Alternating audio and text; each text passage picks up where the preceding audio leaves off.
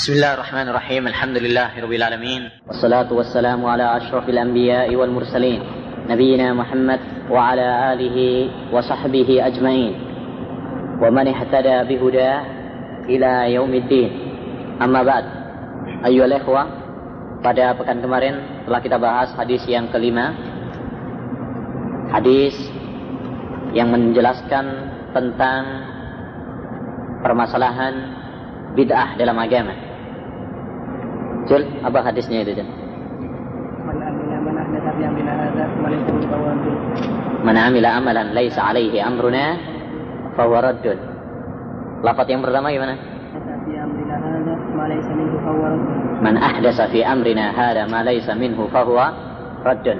Kemarin sudah kita katakan harus dihafal ini. Ya, rugi kalau nggak ngapalin. Ya. Baik. Harus dihafal. Apa perbedaan lafaz pertama dengan lafaz yang kedua? Apa perbedaan lafaz yang pertama dengan lafaz yang kedua? Salim. Lafaz yang pertama yaitu menggunakan lafaz ahdasa, jadi yang mengadakan. Hmm. Yang membuat pertama kali. Nah, baik. Kalau yang kedua itu man amila, jadi mencakup semua. Entah itu yang pertama atau yang mengikuti. Baik. Asal. Jadi kalau lafaz yang pertama man ahdasa, yang mengada, yang membuat pertama kali. Ya, membuat perkara baru dalam agama yang pertama kali. Adapun lafaz yang kedua man amila, yang mengamalkan. Entah dia orang yang pertama ataukah orang yang kedua atau yang ketiga dan seterusnya.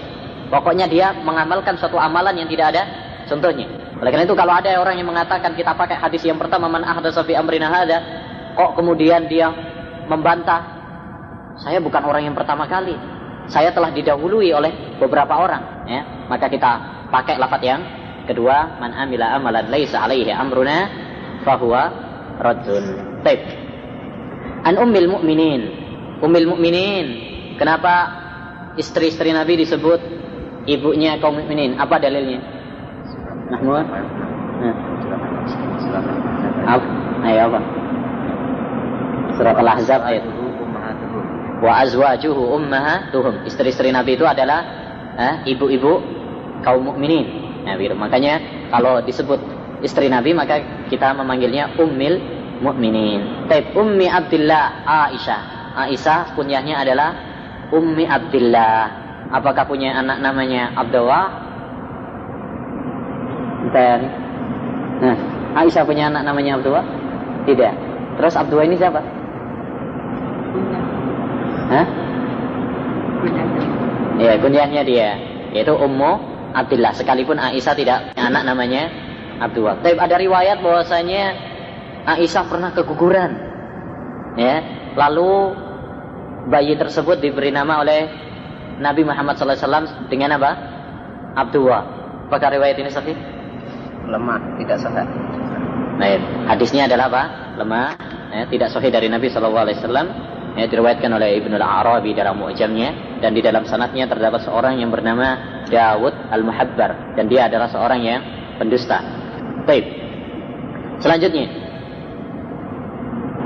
Hadis ini adalah berbicara tentang apa? Bid'ah, gitu ya. Baik, apa yang dimaksud dengan bid'ah itu?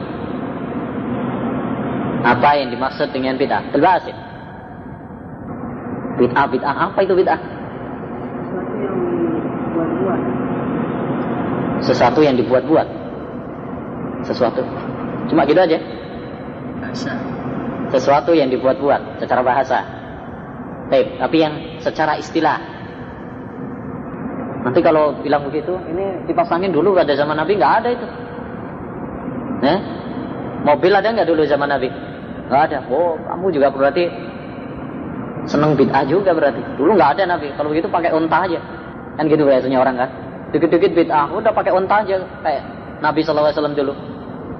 Nah, ini tidak paham tentang makna bid'ah. Ya, makna bid'ah adalah sesuatu yang baru di dalam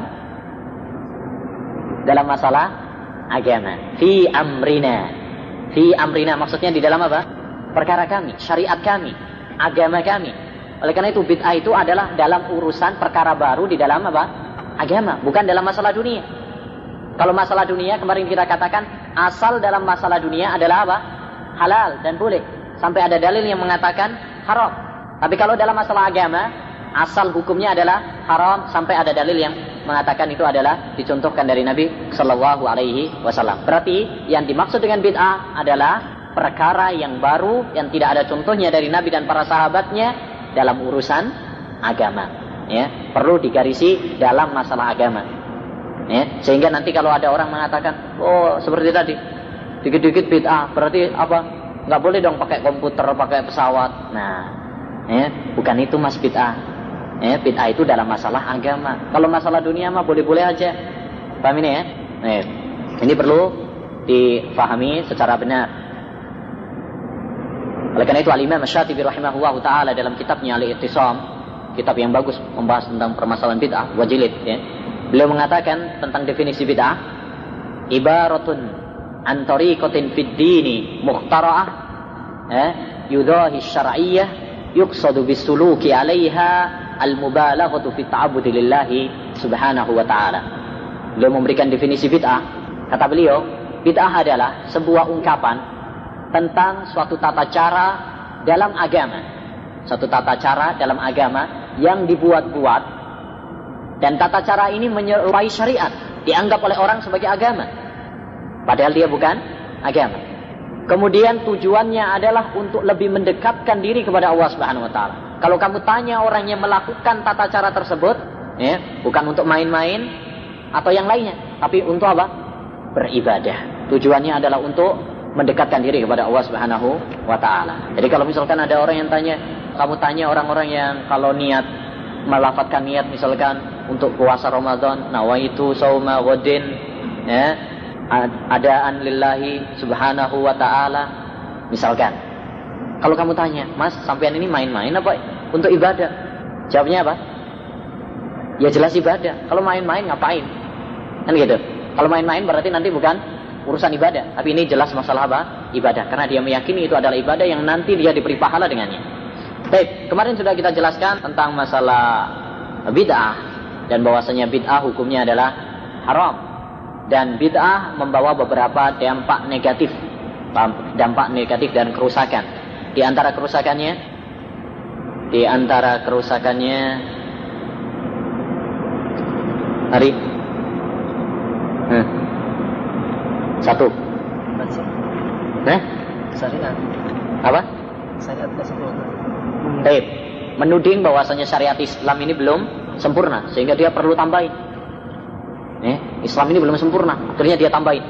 Padahal Allah SWT berfirman, Al-yawma akmaltu lakum dinakum. Baik, ini kerusakan yang pertama. Orang yang melakukan bid'ah berarti dia menuduh bahwasanya Islam ini masih kurang sehingga perlu ditambahin. Nah begitu. Kerusakan yang kedua. Daud. Hmm. Yalla. Hmm?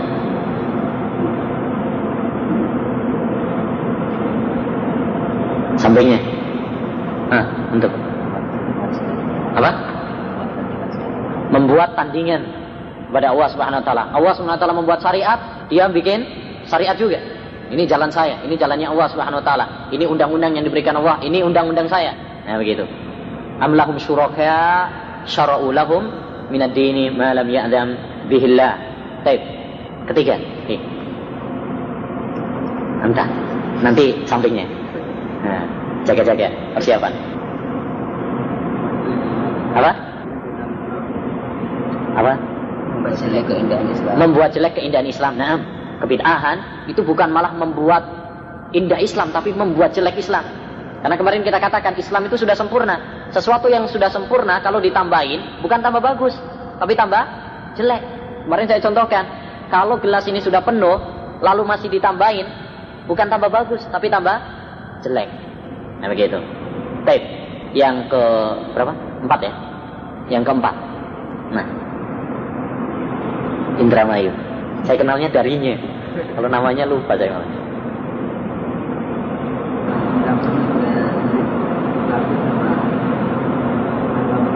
Gimana?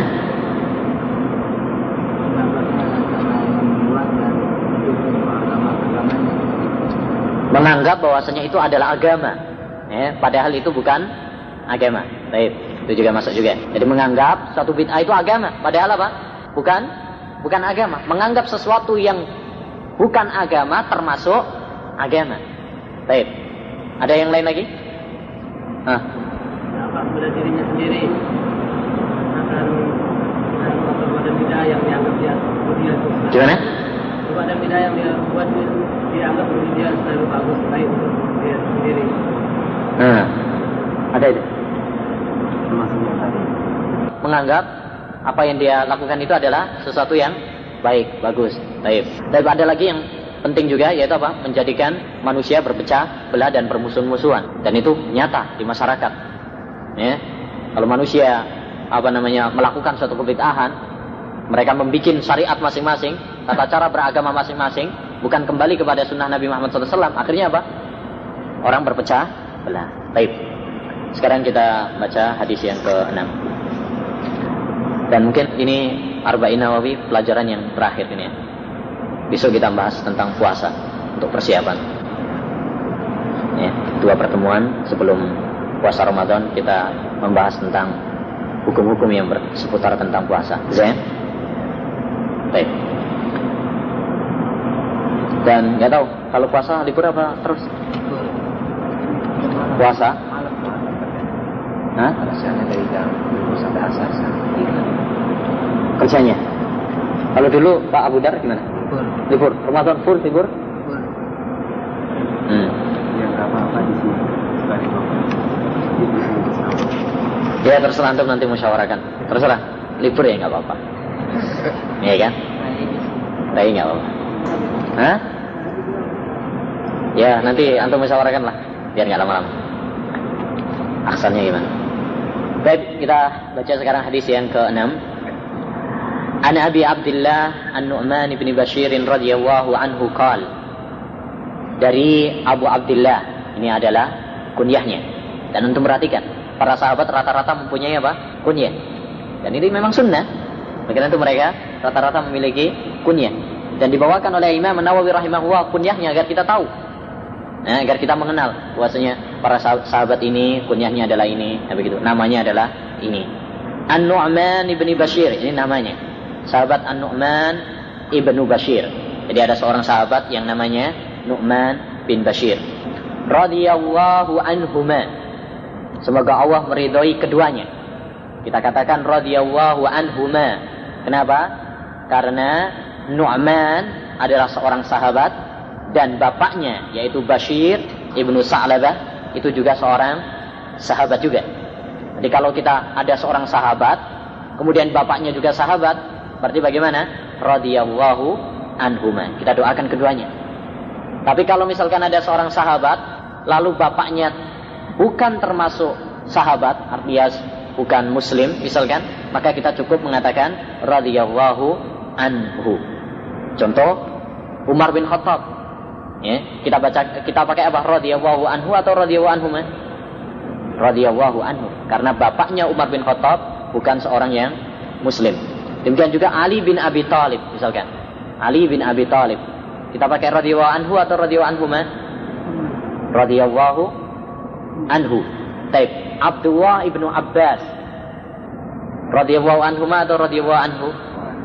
Radhiyallahu anhu karena keduanya adalah sahabat anaknya dan bapaknya. Baik, demikian juga Nu'man bin Bashir. Nu'man bin Bashir, dia bapak dan anaknya adalah keduanya adalah seorang sahabat. Maka kita katakan radhiyallahu anhuma. Nu'man bin Bashir adalah seorang sahabat yang mulia. Dia ketika pemerintahannya Muawiyah bin Abi Sufyan diangkat oleh Muawiyah sebagai gubernur Kufa, ya, sebagai gubernur Kufa.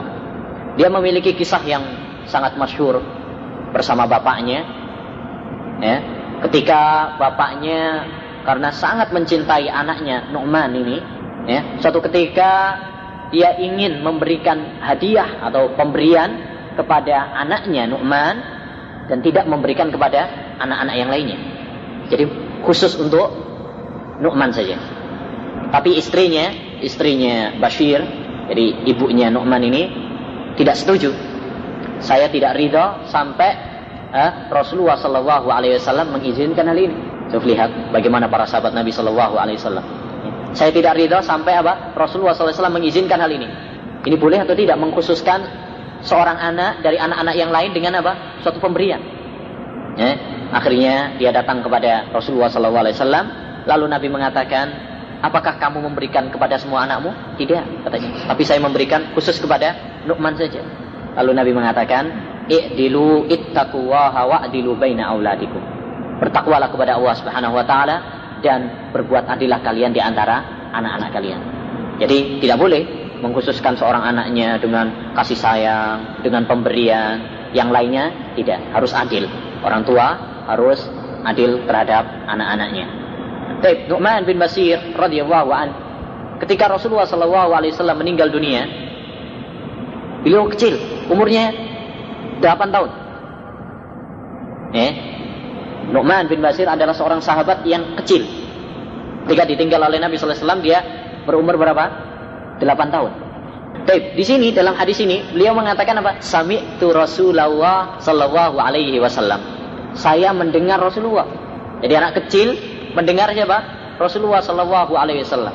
Di sini menunjukkan kepada kita ya ikhwani bagaimana para sahabat Nabi sallallahu alaihi wasallam mereka ya, bersemangat dalam menuntut ilmu sekalipun masih dalam usia apa? muda. Coba bayangkan dalam usia ditinggal oleh Nabi 8 tahun. Berarti kemungkinan besar mendengar Nabi Shallallahu Alaihi Wasallam sebelum 8 tahun ya kan.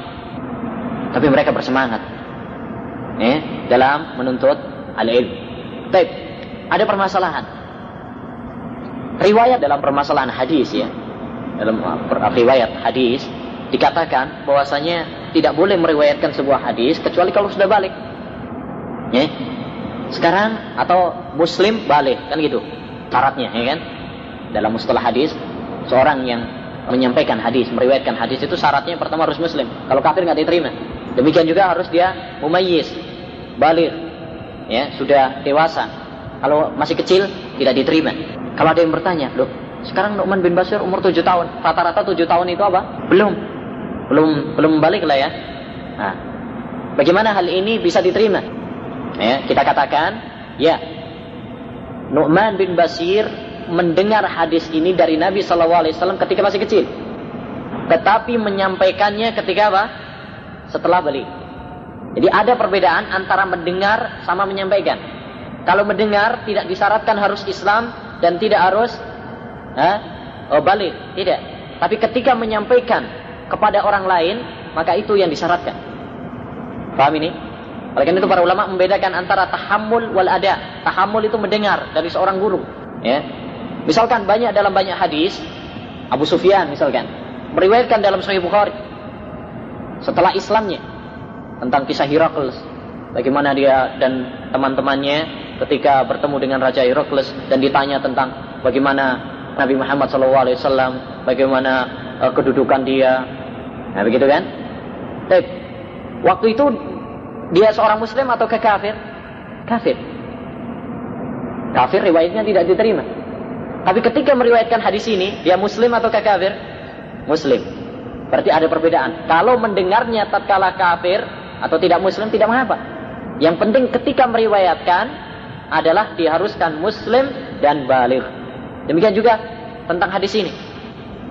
Nu'man bin Basir mendengarnya dari Rasulullah SAW ketika masih kecil.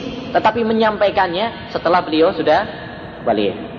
Ya, dengan demikian maka tidak ada kontradiksi pertentangan antara hadis ini ya di mana Nu'man bin Basir waktu itu usianya masih kecil dan kaidah dalam ilmu hadis tadi. Jelas ini ya? Baik. Kita lanjutkan. Qala sami'tu Rasulullah sallallahu alaihi wasallam yaqul, saya mendengar Rasulullah sallallahu alaihi wasallam bersabda. Ya, saya mendengar Rasulullah SAW bersabda. Saya mendengar, berarti mendengar langsung.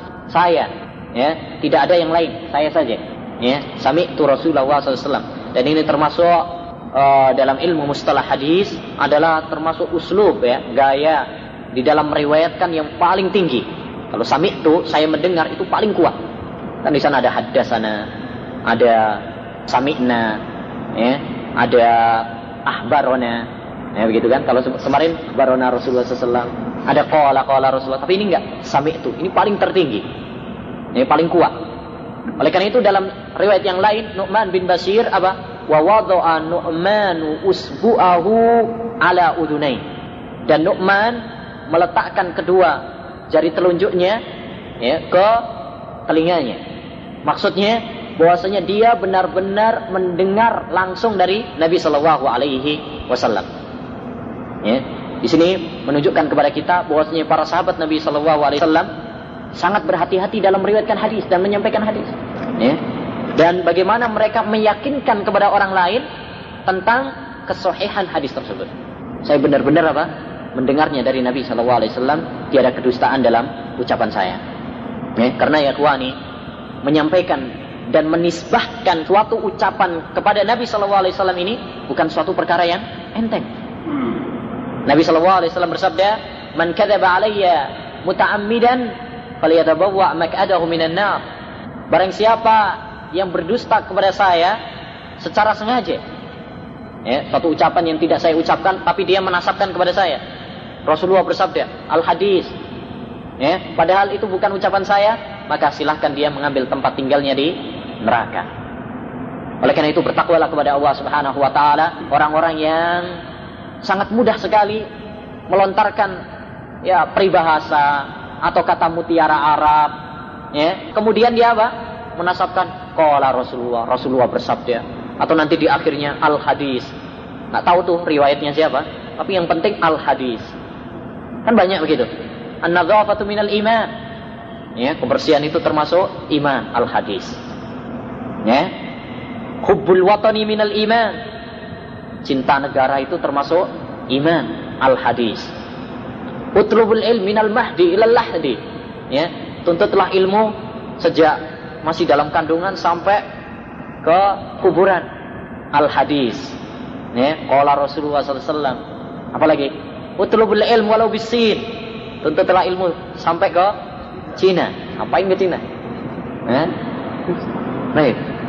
Dan seterusnya. Banyak sekali hadis-hadis yang beredar tetapi bukan dari ucapan Nabi SAW, tetapi kebanyakannya dinasabkan kepada Nabi Muhammad SAW. Dan itu banyak karangan para penulis, ya, baik para penceramah. Ya, ini harus kita ingatkan dan mendorong kita untuk lebih bersemangat lagi di dalam mencari hadis yang sahih dan yang dhaif. Banyak sekali. Kadal faqru ayyakuna kufran. Hampir saja kefakiran itu menjadi apa?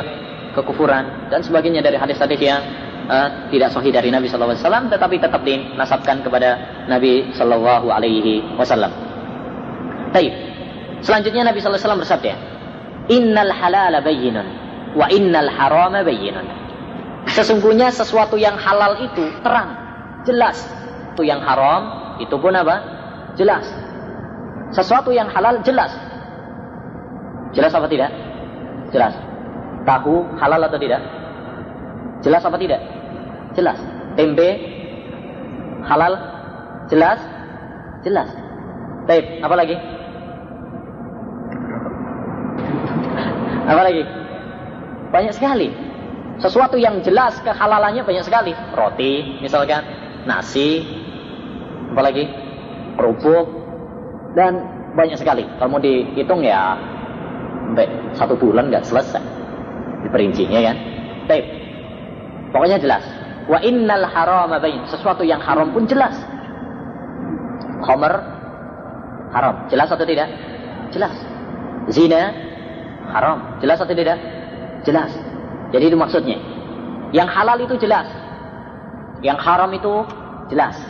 Ya, semuanya telah dijelaskan oleh Allah Subhanahu wa taala. Yang halal itu jelas. Berarti seorang muslim tidak boleh mengharamkan sesuatu yang halal. Ya, daging itu halal, jelas. Lalu ada seorang muslim, wah saya nggak suka apa namanya uh, daging haram. Saya mengharamkan kepada diri saya daging. Boleh atau tidak? Nggak boleh. Kalau nggak mau makan, nggak mau makan nggak apa-apa. Tapi jangan bilang apa? Haram. Ada sebagian orang yang mengharamkan dirinya dari daging. Ya, saya haramkan pada diri saya daging. Karena kalau makan daging, waduh, Hah? Bisa naik dosisnya. Nah, seperti ini, seperti orang-orang tasawuf dan sebagainya, mereka nggak mau mengharamkan bagi mereka apa? Daging. Bagi orang-orang seperti ini, kita katakan kepada mereka, ya, wala taqulu lima tasifu alsinatikumul kadhib hadza halalun wa hadza haram litaftaru ala wahil kadhib. Janganlah kamu ucapkan ini halal, ini haram untuk berbuat dusta kepada Allah Subhanahu wa taala. Kalau nggak mau, nggak mau, nggak apa-apa. Tapi jangan katakan ini ada hukumnya haram. Karena itu adalah halal. Ya. Oleh karena itu Allah Subhanahu wa taala menegur Nabi Muhammad sallallahu alaihi wasallam, "Ya ayuhan nabi, lima tuharrimu ma ahallallahu lak?" Wahai Nabi, kenapa engkau mengharamkan sesuatu yang telah dihalalkan kepadamu? Tak boleh. Ya, dalam kisah apa? Madu. Ya, ketika Nabi tidak mau minum madu karena biasa ya, masalah keluarga. Maka atau dalam riwayat yang lain sebabnya adalah masalah budak. Ya, yaitu Maria Al-Qibtiyah.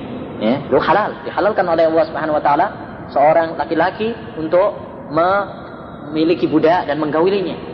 Lalu Nabi wasallam kalau begitu saya tidak mengulanginya, tapi tegur oleh Allah Subhanahu wa taala. Satu yang halal tidak boleh kamu haramkan. Baik. Wa innal haram bayyin sesuatu yang haram itu adalah jelas, tidak boleh diterjang. Ya, tidak boleh diterjang. Ya, zina, riba, apalagi mencuri dan sebagainya dari hal-hal yang haram, ya, yang jelas tidak boleh diterjang. Baik, wa bainahuma umurun mustabihat la ya'lamuhunna katsirun minan nas. Ini yang ketiga. Kalau tadi halal jelas, haram jelas. Ada nomor tiga, ini tengah-tengah. Wa bainahuma di antara keduanya, antara halal dan haram. Umurun mustabihat, perkara yang mustabihat, samar-samar. Kita ragu ini masuk halal atau apa? Haram. La ya'lamuhunna katsirun minan nas yang tidak diketahui oleh kebanyakan manusia. Jadi kebanyakan manusia tidak mengetahui hukumnya secara jelas ini halal atau haram. Ya. Baik. Ini adalah perkara yang syubhat. Jadi perkara syubhat adalah perkara yang tidak jelas tentang kehalalannya dan keharamannya. Paham? Tengah-tengah antara halal ataukah haram. Ini masuk halal ataukah masuk haram. Itu yang disebut dengan apa? Syubhat. Baik. Kalau ada yang berkata, ya, apa yang menyebabkan sesuatu itu bisa menjadi subhat? Atau gimana gambarannya subhat itu? Kita katakan subhat itu mencakup pada benda dan mencakup juga pada pekerjaan. Ya, mencakup juga pada pekerjaan. Mencakup benda, misalkan kalau benda tersebut diperselisihkan oleh para ulama tentang halal dan haramnya. Ya. Sebagai contoh, kodok misalkan. Tahu kodok Abdul Basit? Kata. Enggak tahu?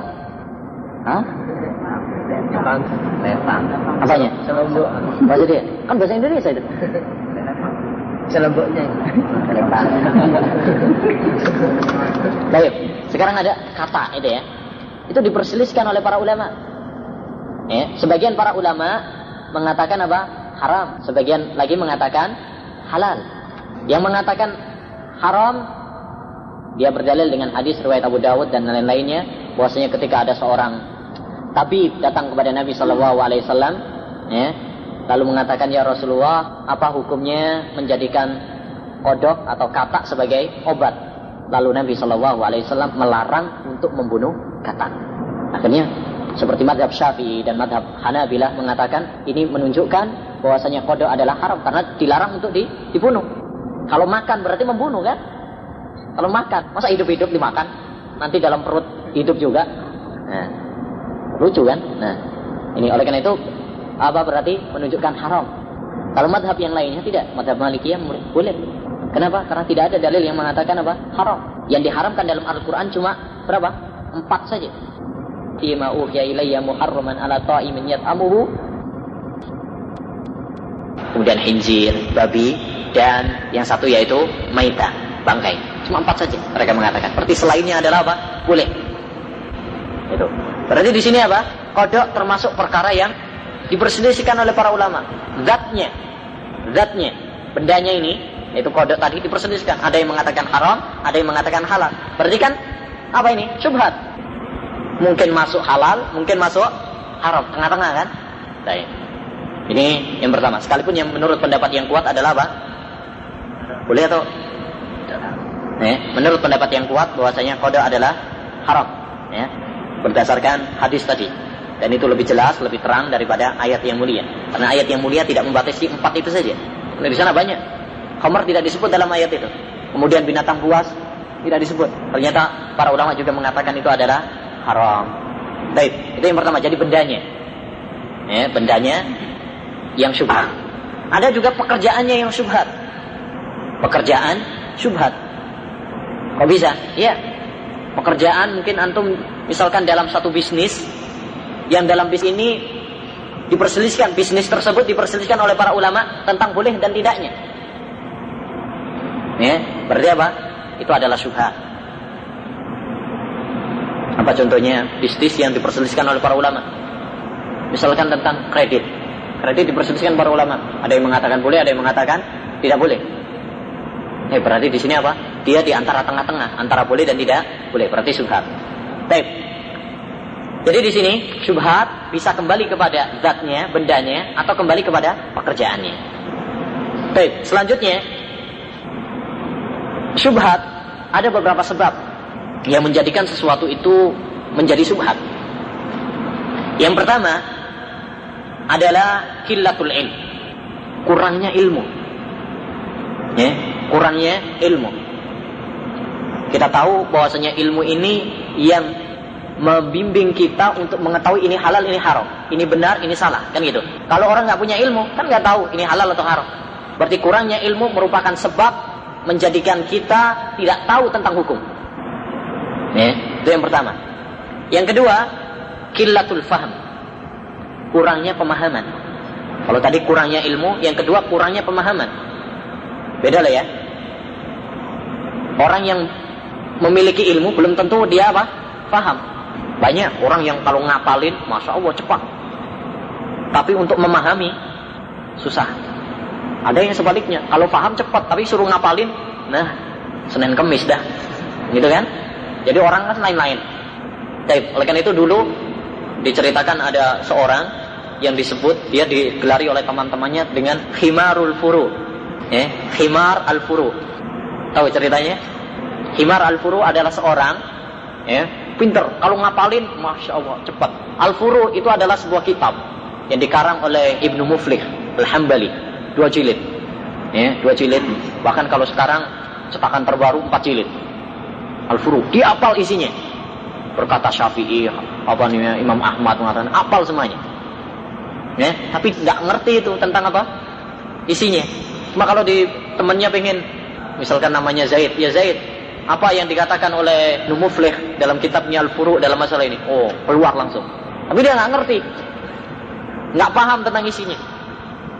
Tapi kalau suruh ngapalin, cepet langsung keluar. Makanya dia disebut dengan Himar Al-Furu. Tahu Himar? Keledai. Ya, dia bodoh, tapi apa? Apal Al-Furu. Kitab Al-Furu. Kan banyak juga di kitab. Orang ngapalin Alfiyah Ibnu Malik. Apal Alfiyah Ibnu Malik. Sampai orang kayak Komat Kamit tapi nggak ngerti isinya. Kenapa ngapalinya untuk nyari barokah? Kalau tahu pesantren-pesantren yang titik-titik, nah itu biasanya apa? Mereka ngapalinya, masya Allah sampai malam-malam, ya di kuburan wali ini, ya ngapalin Alfiyah ibnu Malik itu nomor satu. Kenapa? Ya, kalau sudah apal Alfiyah ibnu Malik, nanti apa?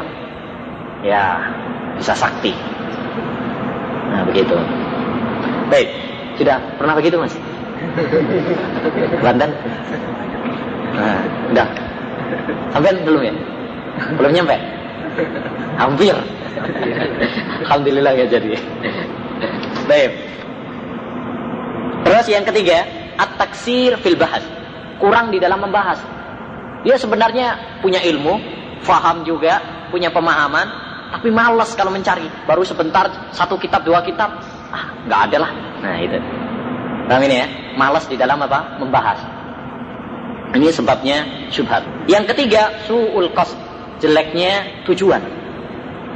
Ya, belum apa-apa sudah mengatakan yang penting haram. Yang penting hukumnya haram. Nah kalau seperti itu, ya gimana mau mencari kan?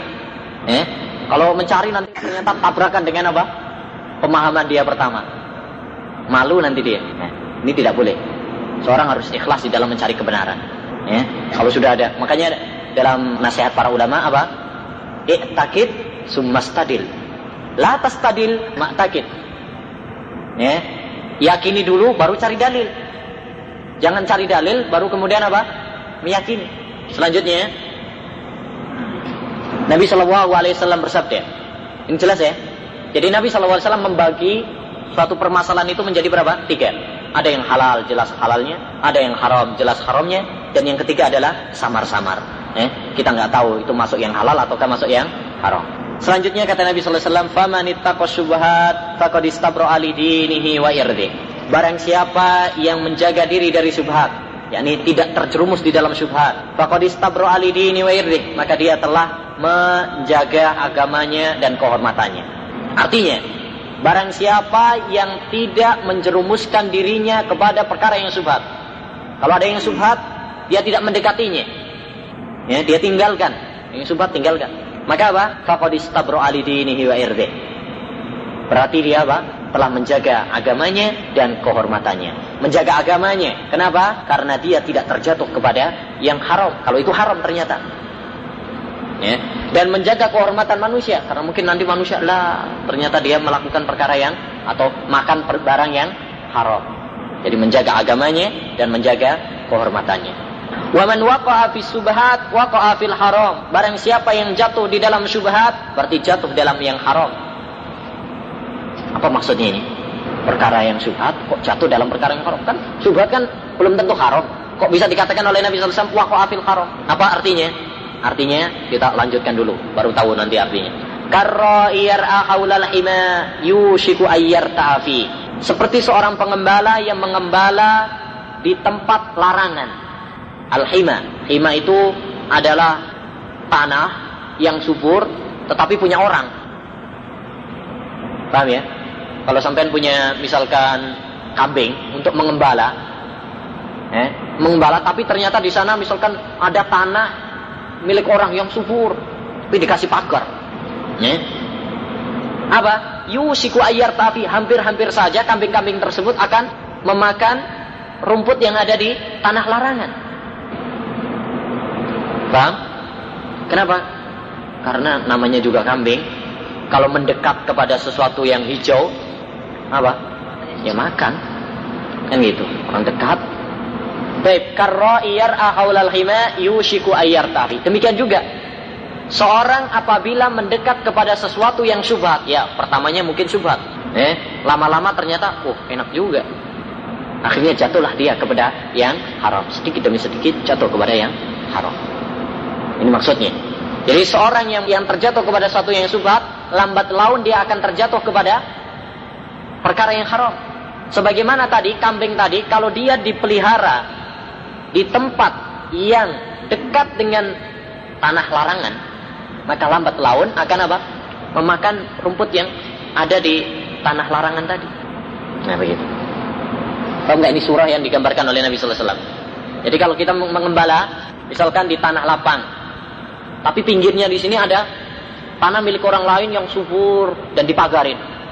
Siapa yang akan menjamin bahwasanya kambing tersebut akan apa? Menerjang ke sini? Tidak ada yang menjamin. Eh, lambat laun nanti akan apa? Eh, masuk kepada tanah larangan tersebut. Demikian juga seorang yang mendekati kepada subhat, perkara yang subhat, nanti lambat laun dia akan terjatuh kepada perkara yang haram. Selanjutnya kata Nabi Shallallahu Alaihi Wasallam, "Ala Wa inna likulli malikin hima. Ketahuilah bahwasanya setiap raja itu memiliki hima, tanah larangan.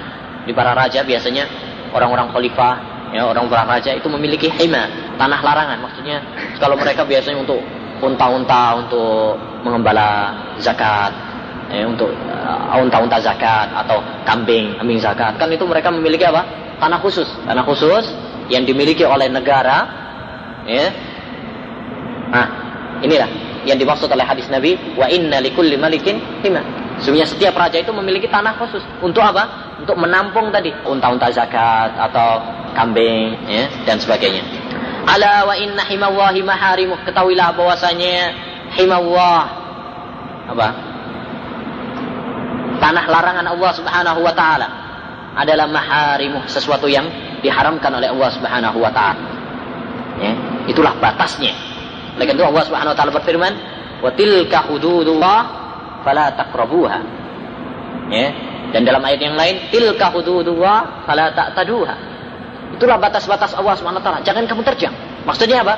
Syariat Allah SWT. Hal yang diharamkan oleh Allah SWT jangan kamu terjang. Ya. Lalu kata Nabi Shallallahu Alaihi Wasallam, "Ala wa inna fil jasadi mudghah." Ketahuilah bahwasanya di dalam jasad manusia ini ada mudghah, segumpal darah.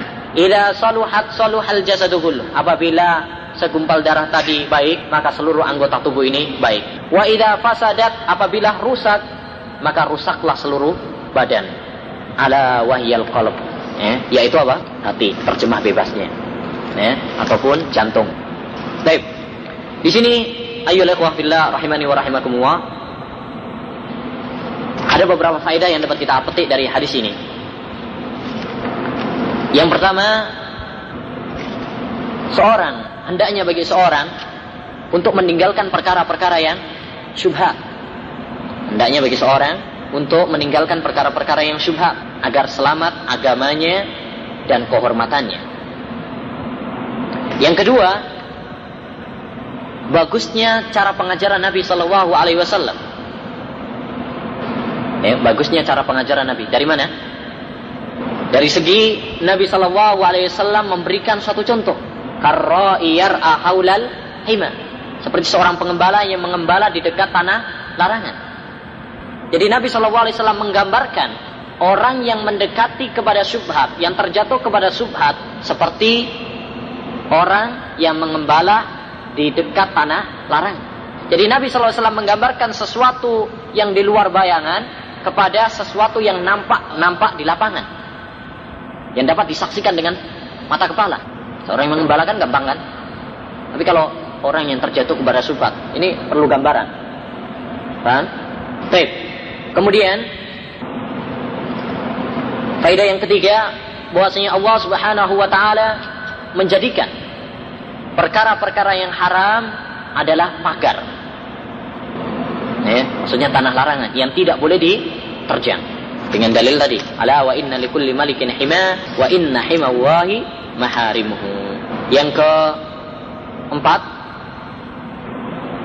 bahwa atau sesungguhnya timbangan seluruh amalan baik dan buruknya tergantung kepada hati seorang. Karena Nabi Shallallahu Alaihi Wasallam mengatakan, "Ala wa inna fil jasadi mudghah idza salahat salahal jasadu kullu wa idza fasadat fasadal jasadu kullu ala wahiyal qalb." Ya. Berarti di sini ada kita ambil faedah Selanjutnya, yang sangat penting, hendaknya seorang berusaha selalu untuk memperbaiki apa? Hatinya. Ya, untuk memperbaiki hatinya. Dan membersihkannya dari penyakit-penyakit dan kotoran-kotoran hati. Baik. Kemudian faedah yang terakhir diambil dalil, dalil dari hadis ini juga yaitu saddud daroe. Hadis ini merupakan kaidah tentang saddud daroe, membendung jalan menuju hal-hal yang diharamkan oleh Allah Subhanahu wa taala.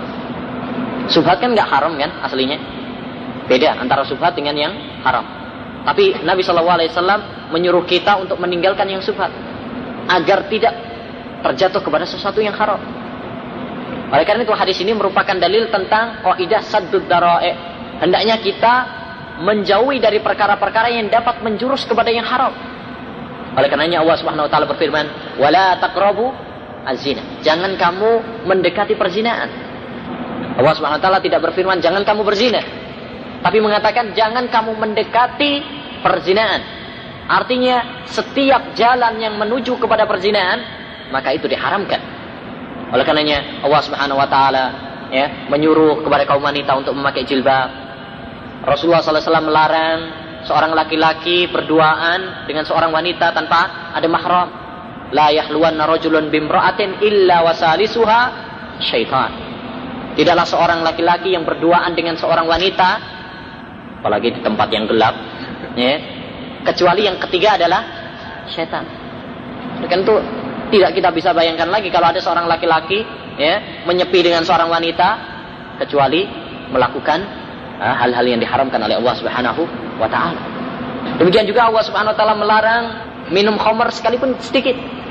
Kullu muskirin haram, qaliluhu wa kasiruhu haram. Sedikit banyak haram. Kenapa? Karena kalau sedikit dibolehkan, nah dikit tambah dikit, nah sama dengan, nah begitu. Orang seperti itu kan biasanya, iya pertamanya sedikit. Begitu antum tahu mungkin dan antum mungkin pernah, ya, ya mungkin. Maksudnya seorang yang terkena balak tentang rokok, misalkan, mungkin pertamanya baru mencoba, nah gitu.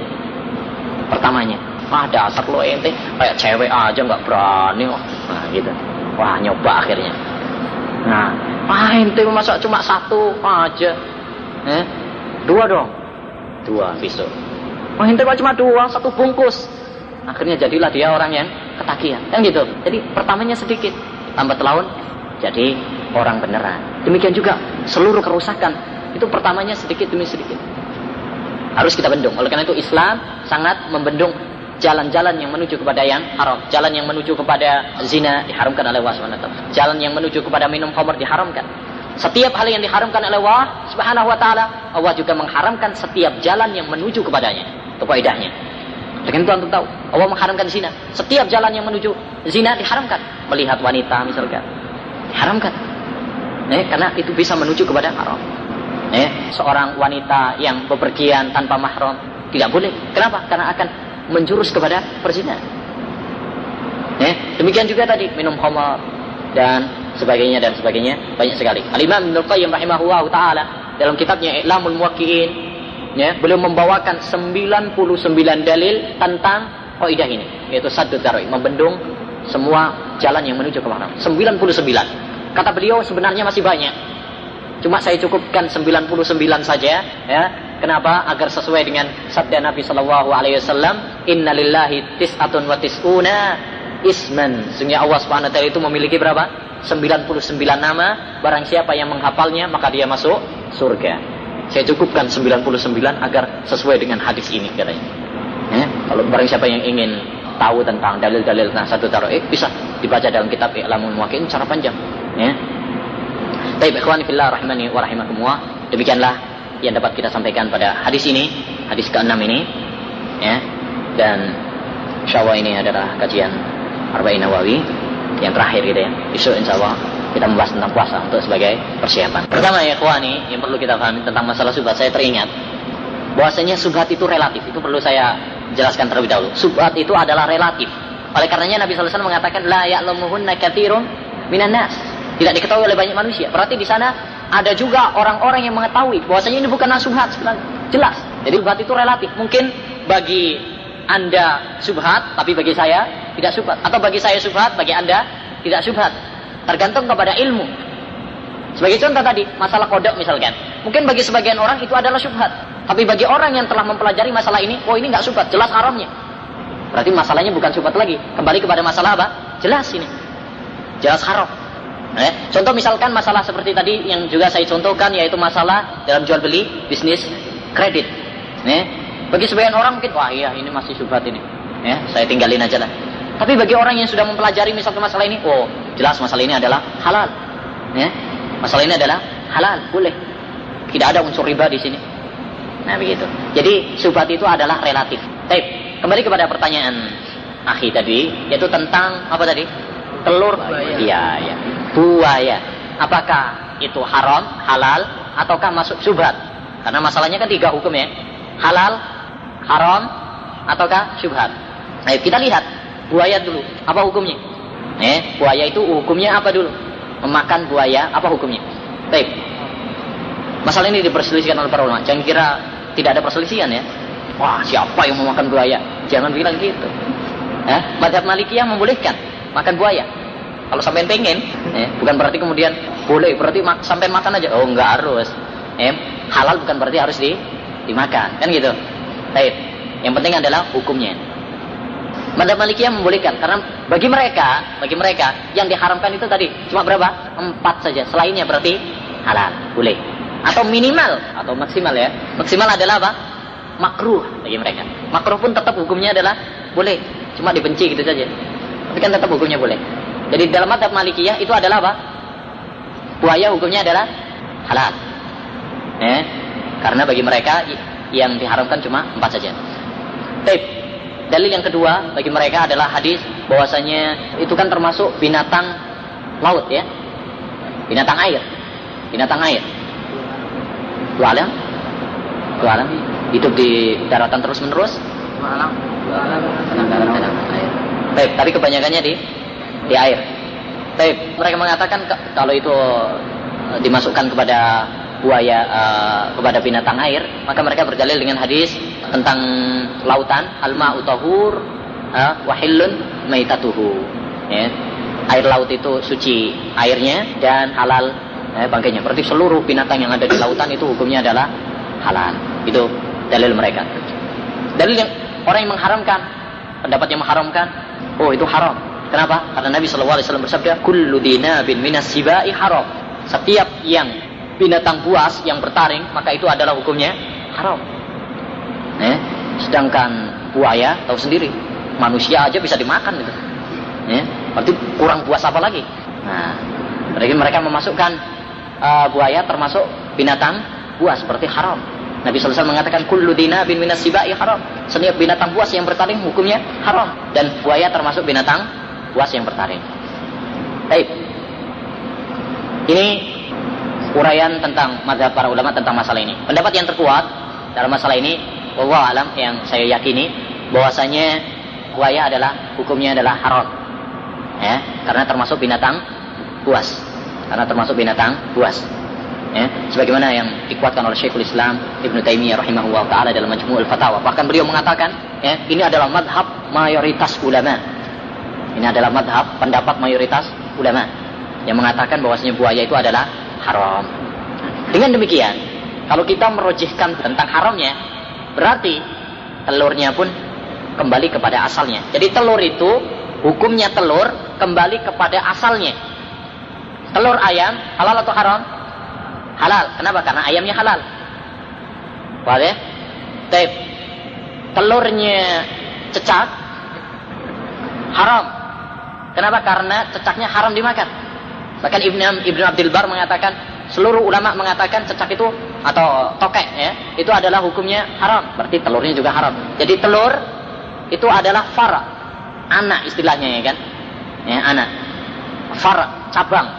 Dan cabang itu dalam kaidah mengikuti kepada asalnya. Cabang itu mengikuti kepada induknya. Nah, demikian juga telur. Hukumnya kembali kepada tadi. Baik Berarti kembali kepada tadi, kepada buaya. Kalau kita tadi kuatkan pendapat yang mengatakan haram, berarti telurnya adalah apa? Haram juga. Made? Tip. Sekarang ada permasalahan. Ada permasalahan yang unik dalam masalah fikih. Kalau ada ayam mati misalkan. Ayam mati. Bangkai, hukumnya apa? Haram. Ternyata setelah kita sembelih ayamnya, walaupun mati, kita sembelih, ternyata ada telurnya. Hukumnya haram atau halal? Hah? Haram. Halal atau haram? Kenapa halal? Karena telurnya ayam. Baik. Ada pendapat kedua? Ada pendapat kedua nggak? Masa nggak ada pendapat yang kedua haram nih? Ada yang mengatakan haram. Kenapa? Karena itu kan dari maita, dari bangkai kan? Ya, memang pada asalnya ayam itu adalah halal, tapi di sini telur tersebut keluar dari bangkai. Bangkai hukumnya haram. Gimana? Tapi kan telurnya itu keluarnya setelah ayamnya hidup masih hidup. Eh, pendapat yang ketiga, ya, dan itu pendapat yang terkuat adalah diperinci. Kalau telurnya itu adalah telur yang sudah jadi, jadi sudah sudah punya uh, istilahnya apa? Uh, ya putihnya itu loh ya. ya, sudah menyendiri, sudah menyendiri, maka di sini hukumnya adalah halal karena dia sudah berpisah.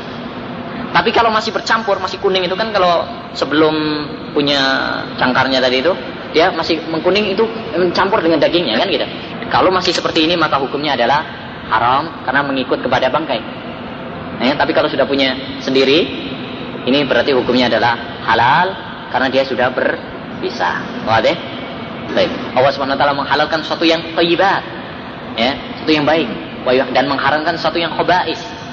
Khobais itu jorok, yang jelek. Mereka mengatakan berarti setiap yang menjijikkan itu masuk dalam khobais. Baik. Tetapi pendapat ini adalah lemah sekali.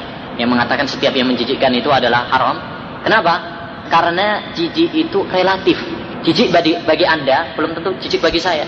Jijik pada suatu tempat belum tentu bagi yang lain itu adalah menjijikkan. Seperti tadi misalkan keong, misalkan. Keong, kalau mungkin bagi sebagian orang itu adalah apa? Menjijikkan. Tapi bagi sebanyaknya orang itu bukan bukan menjijikkan. Banyak sapi keong, ya kan? Kemudian di sambal goreng, oh banyak sekali. Eh, ya kan? Taib. Ada lagi yang mengatakan yang menjadi ibrah adalah yang terbanyak. Kalau yang sedikit nggak dianggap. Ada sebagian orang yang cici, oh, kalau sedikit ya nggak dianggap. Ini, tapi ukuran seperti ini adalah tidak tidak tidak benar. Ya. Yang benar adalah apa? Bahwasanya sesuatu yang dimaksud dengan khobais di situ adalah sesuatu yang haram, ya, satu yang haram, ya, yang diharamkan oleh Allah Subhanahu wa taala. Atau setiap yang menjijikkan tapi seluruh orang mengatakan itu adalah menjijikkan. Orang yang waras maksudnya ya. Orang angkalnya sehat. Apun seperti keong, dua itu bukan menjijikkan. Ya, tidak termasuk menjijikkan. Permasalahan mungkin cacing. Cacing apakah termasuk apa menjijikkan atau tidak? Kalau cacingnya manusia iya menjijikkan. Tapi kalau cacing tahu ya, itu kan biasa dipakai untuk obat, ya, obat tipes, ya, obat tipes itu dipakai untuk obat. Baik, boleh atau tidak cacing? Tergantung kepada tadi permasalahan apakah menjijikkan atau tidak. Kalau anda tidak jijik, maka tidak menjadi masalah. Apalagi kalau cacing-cacing yang tinggal di pasir-pasir putih itu, nah, maka itu adalah cacing-cacing yang bersih. Maka tidak ada menjadi tidak masalah insya Allah taala. Eh? Tapi kalau ada masalah sekarang, cacing sekarang sudah sekarang kan zamannya modern. Eh? Cacing-cacing, tapi sekarang sudah jadi kapsul. Ya enggak? Sekarang kan sudah di kapsul, kapsul cap cacing. Apa hukumnya?